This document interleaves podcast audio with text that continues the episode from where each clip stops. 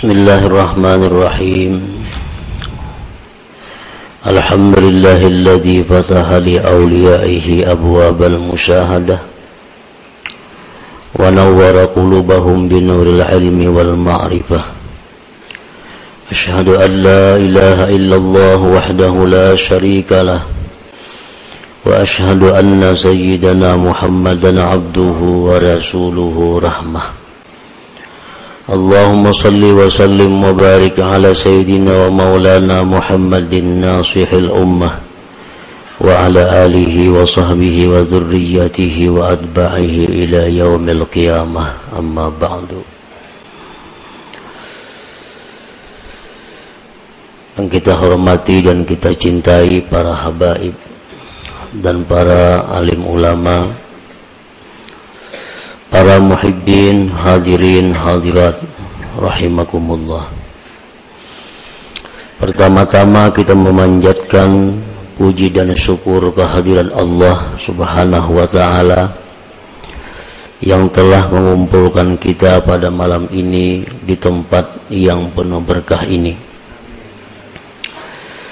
dan mudah-mudahan Allah selalu mengumpulkan kita dalam tempat kebaikan dan takwa. Amin ya rabbal alamin. Salawat dan salam kita haturkan kepada junjungan kita Nabi besar Muhammad sallallahu alaihi wasallam. Dan kepada seluruh keluarga para sahabat zuriat dan pengikut beliau sampai hari akhir nanti.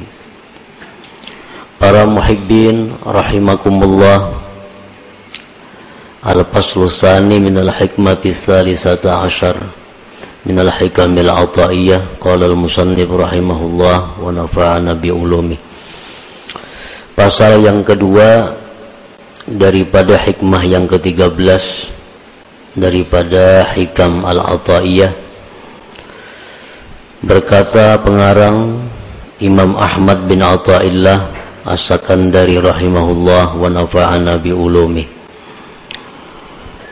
am kaifa yarhalu ila Allah taala wa huwa muqabbalun bi syahawatihi bi syahawatihi. Am kaifa yarhalu ila Allah wa huwa muqabbalun bi syahawatihi. Yang artinya atau bagaimanakah hati seseorang itu bisa berangkat kepada Allah Ta'ala. Sedangkan hati itu diikat dililit dengan syahwat-syahwatnya. Bagaimanakah hati itu bisa berangkat kepada Allah sedangkan dia diikat dipasung dengan syahwat-syahwatnya. Maksudnya adalah la yataraqqa qalbun min alami syakki ila alamil yakin wa huwa mutaqayyadun bis syahawat. Tidaklah mungkin tidaklah naik hati seseorang dari alam keraguan-raguan kepada alam yakin. Sedangkan hati itu terkait pada keinginan-keinginan nafsunya.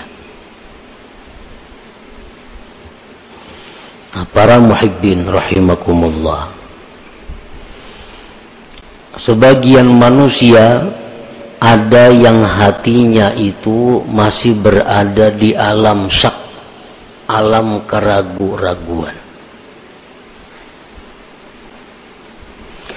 Dan hati yang berada di alam ragu-ragu itu tidak akan bisa naik kepada alam yakin kalau hati tersebut masih terikat terkait dengan keinginan-keinginan nafsunya. Para muhibbin rahimakumullah Kita meyakini dengan seyakin-yakinnya Dalam pengakuan kita bahwa kita ini akan mati.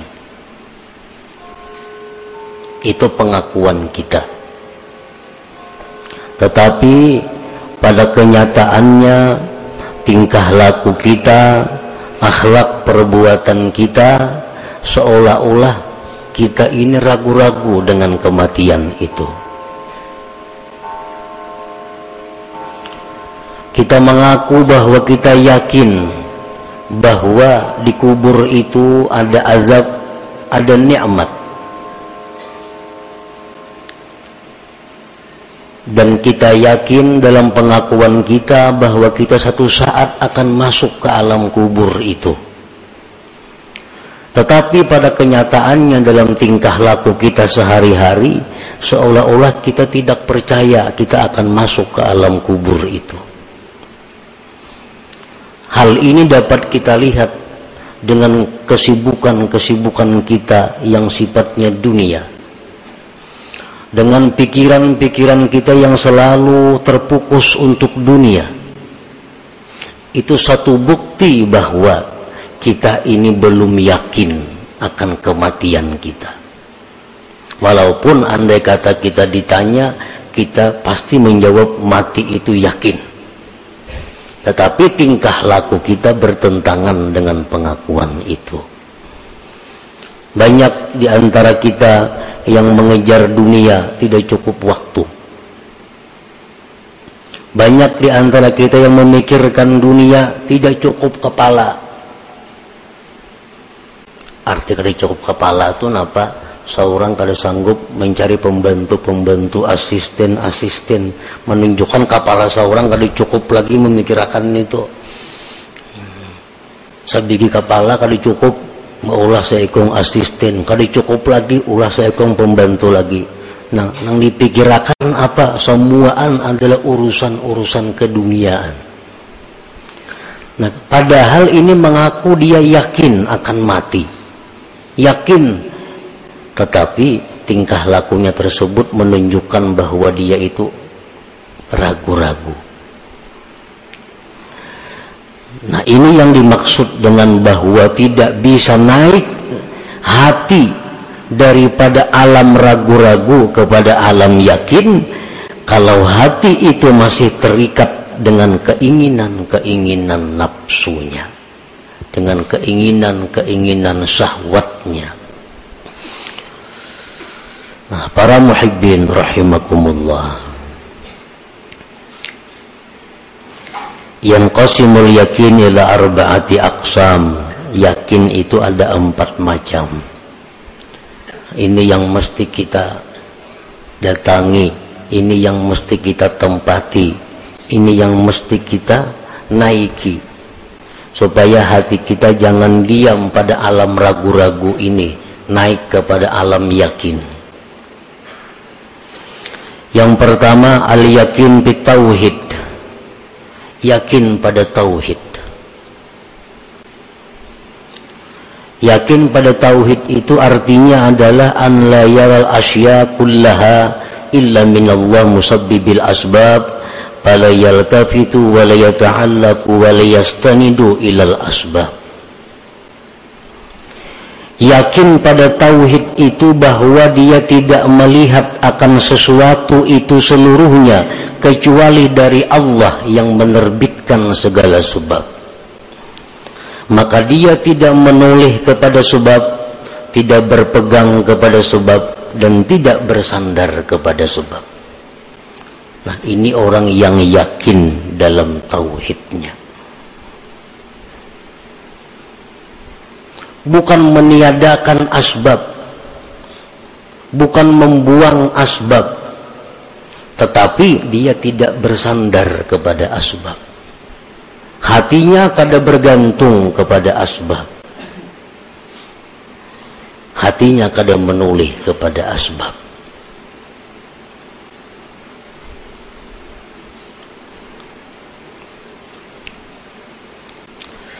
Para muhibbin rahimakumullah Anas bin Malik salah seorang khadam Rasulullah sallallahu alaihi wasallam.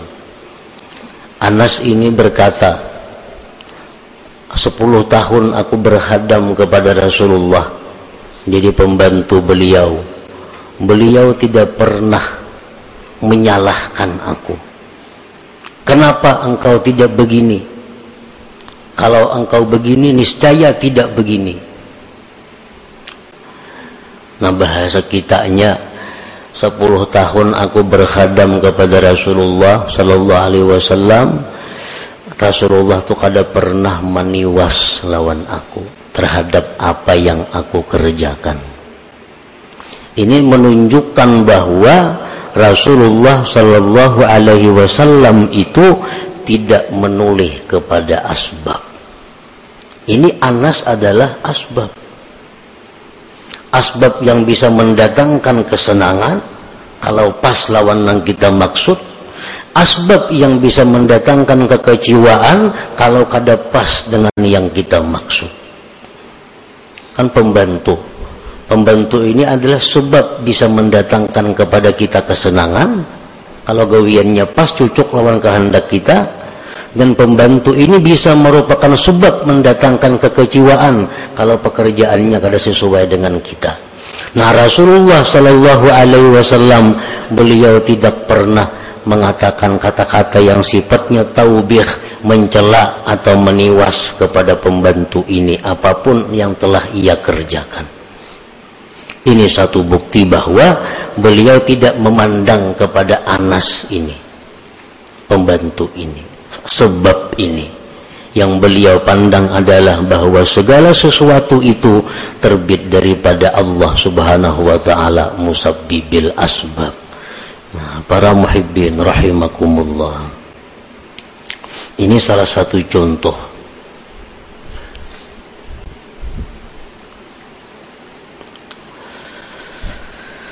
Nah, jadi yakin yang pertama adalah yakin pada tauhid.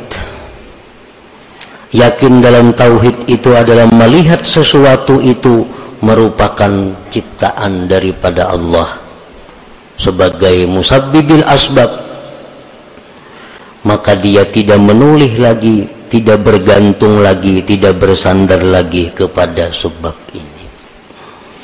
Nah, apabila kita bisa menerapkan yakin tauhid ini dalam diri kita, maka kita kada akan ada sifat dendam. Ada sifat dendam. Dendam itu orang nah habis-habisan memandang kepada makhluk. Lupa kepada Allah lalu ada dendam.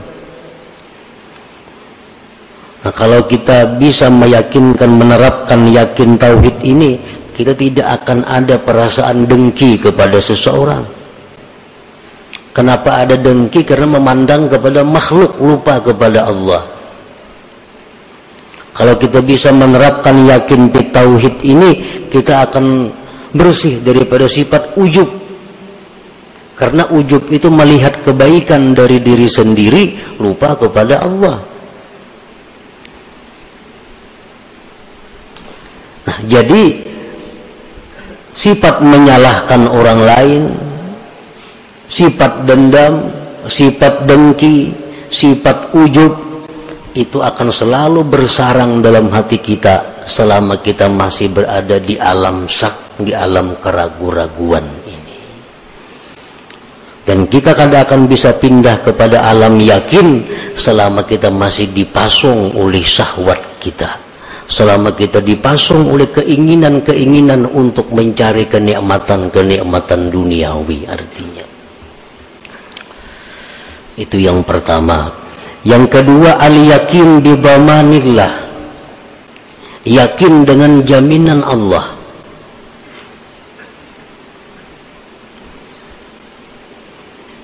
Fala yahtammu birrizqi maka dia tidak risau dengan rezekinya lianna ma qaddara lahu yasilu ilaihi wa idha ma la fala fayujmilu fi talabihi. Karena dia yakin bahwa yang ditakdirkan baginya itu pasti sampai kepadanya. Dan yang tidak ditakdirkan tidak akan sampai kepadanya. Maka dia baik elok pada mencari rezeki itu.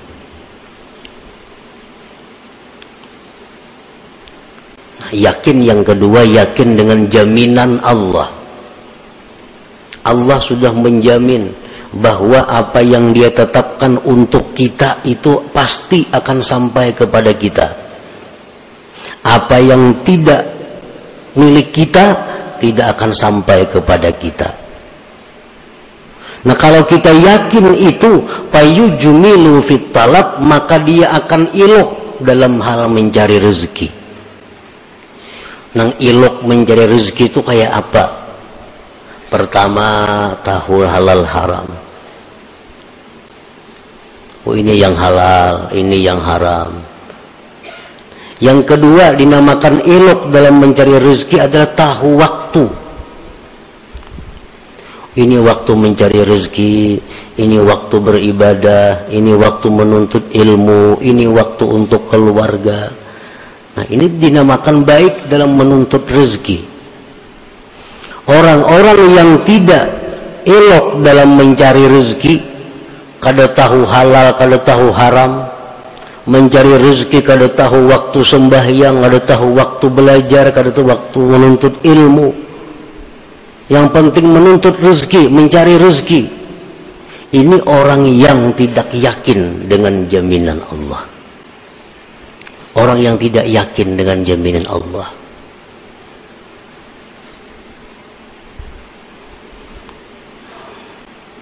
Kalau orang yakin dengan jaminan Allah dia pasti elok mencari rezeki. Pasti bagus mencari rezeki itu artinya beradab.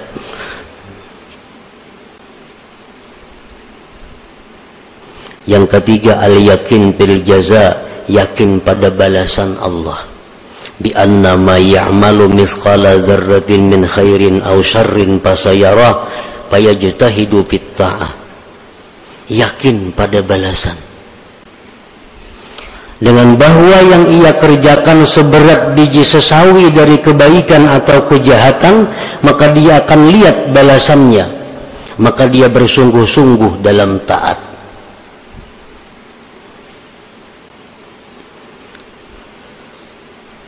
Allah bi Rasulullah wasallam menyatakan bahwa kalau engkau sembah yang ini maka balasannya itu lebih baik daripada surga lebih baik daripada dunia dan isinya. Nah ini janji Allah. Kalau engkau melakukan ini, engkau akan diazab dengan azab yang sangat pedih. Ini adalah janji Allah. Nah kalau kita yakin pada balasan yang dijanjikan Allah itu, hidup taat maka kita sungguh dalam taat kepada Allah.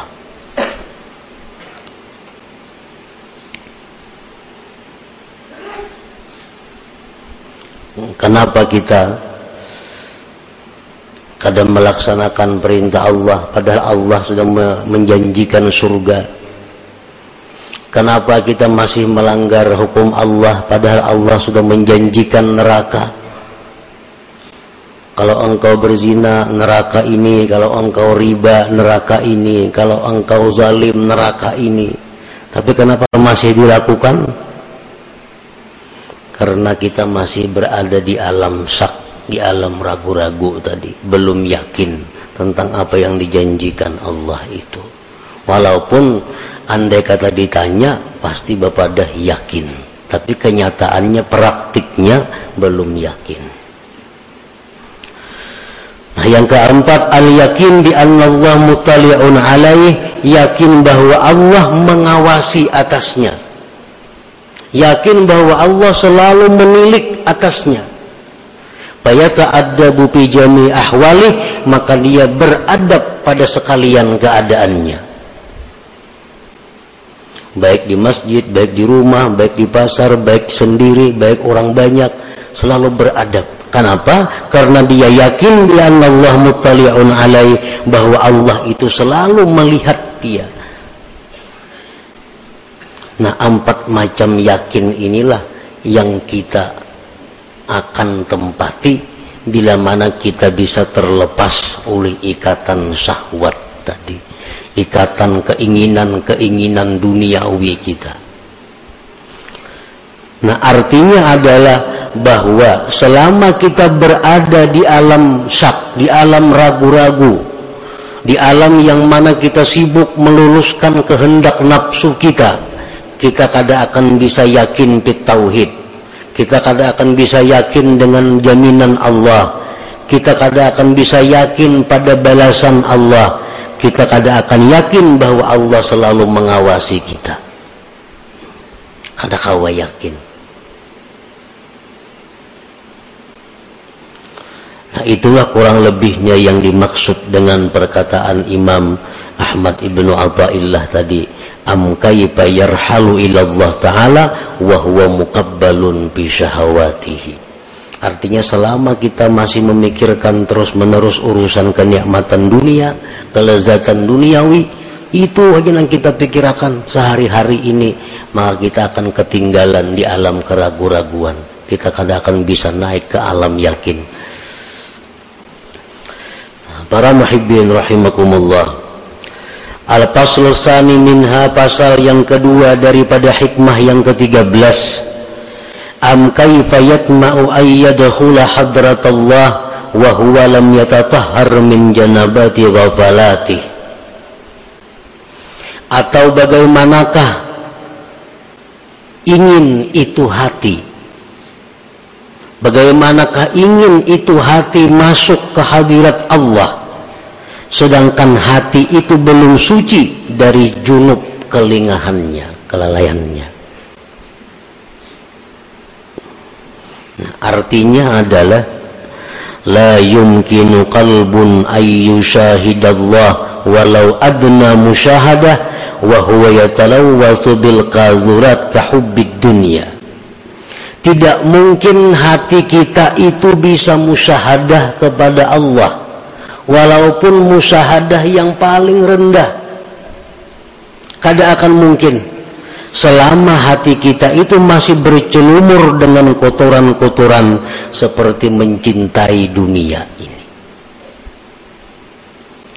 Sekurang-kurang musyahadah itu adalah musyahadah fi'lullah. Itu sekurang-kurang musyahadah. Artinya apa? Dia menyaksikan dengan mata hati bahwa yang ada ini merupakan perbuatan Allah. Itu musyahadah yang paling rendah itu pun kada akan bisa kita rasakan selama kita masih selama hati kita masih bercelumur dengan dosa dengan berbagai macam kotoran-kotoran maksiat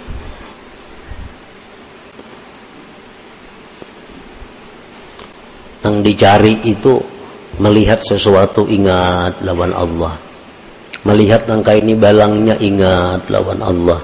Melihat nangka ini potongannya ingat lawan Allah. Kan kak itu dicari. Kada akan bisa kita seperti itu kalau kita masih bercelumur dengan maksiat.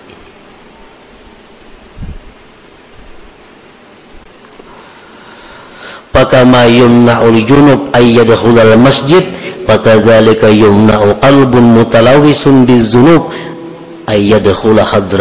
taala sebagaimana dilarang orang yang junub itu masuk masjid demikian pula dilarang hati yang kotor yang bercelumur dosa masuk ke hadirat Allah Subhanahu wa taala. Padahal sudah aja belajar kitab ini tamat, kitab tasawuf ini tamat, kitab tasawuf bermacam-macam kitab tasawuf sudah tamat dipelajari. Tapi pada kenyataannya kada kawa mempraktikkan bila melihat sesuatu itu ingat lawan nang maulah. Melihat apa ingat lawan nang maulah. Melihat apa ingat lawan nang maulah. Kada kau mempraktikkan itu. Kenapa sebabnya? Karena hati kita dilarang masuk ke area itu hati kita belum belum bersih untuk bisa masuk ke sana sebagaimana orang haid, orang junub kada boleh masuk masjid maka hati-hati yang kotor pun kada akan bisa masuk ke hadirat Allah subhanahu wa ta'ala nah hati yang berada di hadirat Allah itulah hati yang selalu ingat kepada Allah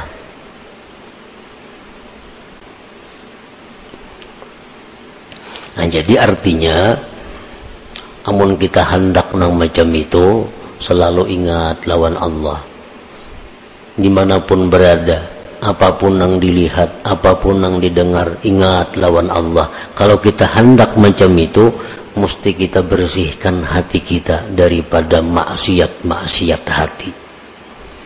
Nah, kita bersihkan hati kita daripada kotoran-kotoran hati. Bila sudah kita bersihkan, maka seapa bersihnya, seitulah kita akan bisa masuk ke alam hadratullah tadi. Al-Faslur Rabi' minha pasal yang keempat daripada hikmah yang ke-13 yang terakhir am kaifa yarju ay yafhama daqa'iqal asrar wa huwa lam yatub min hafawatihi? Atau bagaimanakah dia berharap mempaham rahasia-rahasia yang halus-halus sedangkan dia belum tobat daripada dosa-dosanya? Artinya layap hamu kalbun tidak paham itu hati al ulumat dakikah akan ilmu yang halus-halus. Allati taridu alal arifin yang mendatang itu ilmu atas orang-orang arif wa huwa yusirru alal maksiat dia masih mengekali kemaksiatan. Kada kau mempaham perkataan-perkataan orang arif apalagi Al-Quran kalamullah apalagi kalam Rasul hadis-hadis Nabi. Dia kada akan bisa paham. Kalau dia masih melakukan maksiat kepada Allah. Kalau dia tidak tobat daripada daripada kemaksiatan. La yafhamu qalbun ala ulumad dakika. Tidak akan bisa mengerti itu hati. Akan ilmu nang halus-halus. Kitab hikam termasuk kitab yang dianggap sebagai ilmu yang halus-halus. Kada akan bisa mengerti kitab ini. Kalau hati kita ini masih bercelumur dengan maksiat kal hasadi seperti dengki wal hikdi dendam wa idmarisu ala ahadin minal muslimin masih menyimpan ada kejahatan kepada seseorang muslimin kita kada akan bisa paham apa-apa yang dimaksud yang diisyaratkan oleh orang-orang yang arif dengan Allah Nah, para muhibbin rahimakumullah, maka itulah empat pasal yang terkandung di dalam hikmah yang ke-13 daripada Al-Hikam atau Iyah ini. Nah, selanjutnya insya Allah kita sambung dengan hikmah yang ke-14 sesudah hari raya nanti insya Allah. Sesudah lebaran dan Rabu yang akan datang kita sudah mulai pray. Insya Allah Rabu malam Rabu hidup 15 malam Rabu hidup 15 bulan Syawal insyaallah taala. Ila hadratin Nabi sallallahu alaihi wasallam al-Fatihah